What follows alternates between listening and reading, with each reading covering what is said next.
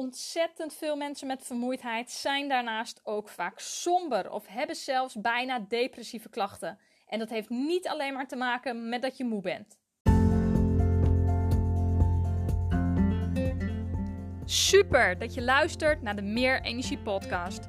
De podcast voor jonge vrouwen die zonder duidelijke oorzaak al jarenlang moe zijn.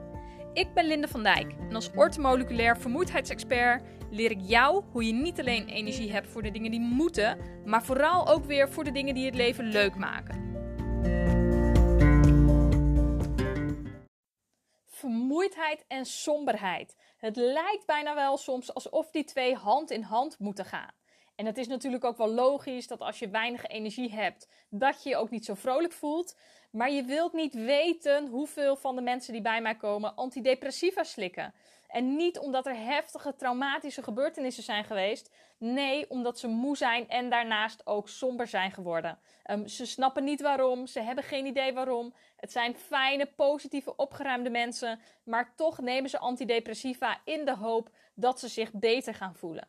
Er zijn ook veel huisartsen die antidepressiva voorschrijven aan mensen met vermoeidheid in de hoop dat het hun energie een oppepper geeft. Nou, ik vraag altijd als je antidepressiva slikt of je ook het idee hebt dat dat daadwerkelijk helpt. Want je neemt het natuurlijk omdat je wil dat het helpt.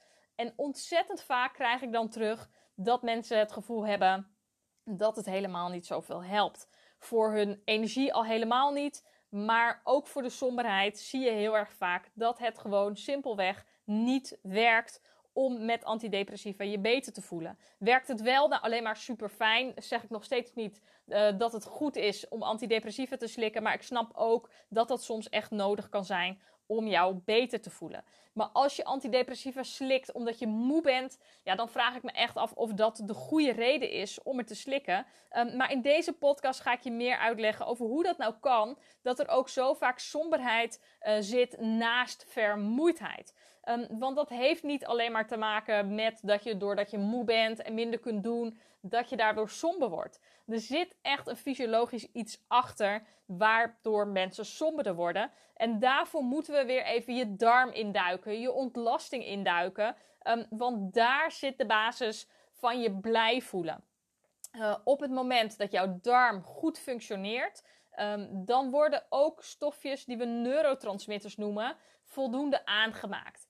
En laat nou net neurotransmitters, en dan met name bijvoorbeeld serotonine, een gelukstofje zijn waardoor jij je blij voelt. Um, daarnaast zorgt het er ook nog eens voor dat je minder pijnklachten hebt. Het zorgt ervoor dat je darm goed werkt, dat je geen obstipatie hebt. Um, dus het heeft daarnaast nog een heleboel voordelen. Maar één van de dingen die het doet, is dat het een geluksstofje is.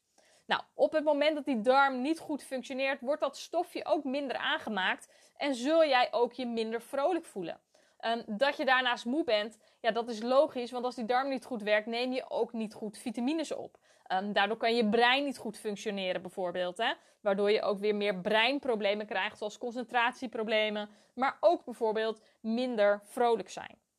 Um, dus zo werkt dat heel erg hand in hand met elkaar. En zie je dus ook dat vermoeidheid en somberheid heel vaak naast elkaar voorkomen. Maar dus helemaal niet alleen maar omdat je nou eenmaal niet zo vrolijk bent als je moe bent en minder kunt doen. Maar veel vaker omdat eigenlijk jouw gelukshormoon, jouw gelukstofje onvoldoende aangemaakt wordt in de darm. Um, als die, dat onvoldoende aangemaakt wordt in de darm, ja, dan zullen ook andere stoffen minder goed aangemaakt en opgenomen worden. Um, en dan ben je dus ook moe. Nou, wat meestal gebeurt is dat mensen eerst moe zijn en dat daarna langzaam de somberheid steeds verder uh, verergert.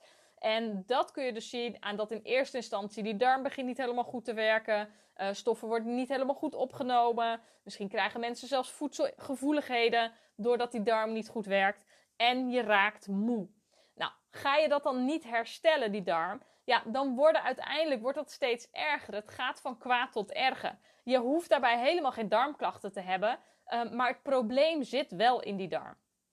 Die serotonine, ik zei het al, wordt voor 90% in de darm aangemaakt. Als die darm dus niet meer optimaal werkt en dat stofje niet goed aangemaakt wordt, ja, dan ga je naast de vermoeidheid die je al had, dus ook die somberheid krijgen. En de antidepressiva die je dan krijgt, ja, dat bevat dat stofje, hè, die serotonine uh, vaak, of een soort bestanddeel daarvan. Um, daardoor zou dat dan moeten helpen. Maar ja, het werkt natuurlijk altijd honderd keer beter als je dat zelf goed kunt aanmaken. Ehm, we zeggen niet voor niets dat depressiviteit en de darm dat dat echt een één op één relatie uh, met elkaar heeft.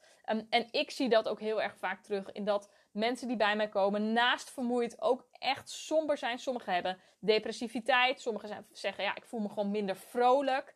Um, maar bijna altijd zijn daar ook problemen uh, met de aanmaak van die neurotransmitters en dus bijvoorbeeld van dat gelukstofje. Dus ben jij naast vermoeid ook somber, ja, dan is de eerste stap om te gaan kijken hoe is jouw darmgezondheid. Is dat goed genoeg, dat milieu, om ook die stofjes goed aan te kunnen maken? En dat is de eerste stap in plaats van allerlei medicijnen gaan slikken, wat eigenlijk meer een symptoombestrijder is dan dat het echt de oorzaak aanpakt.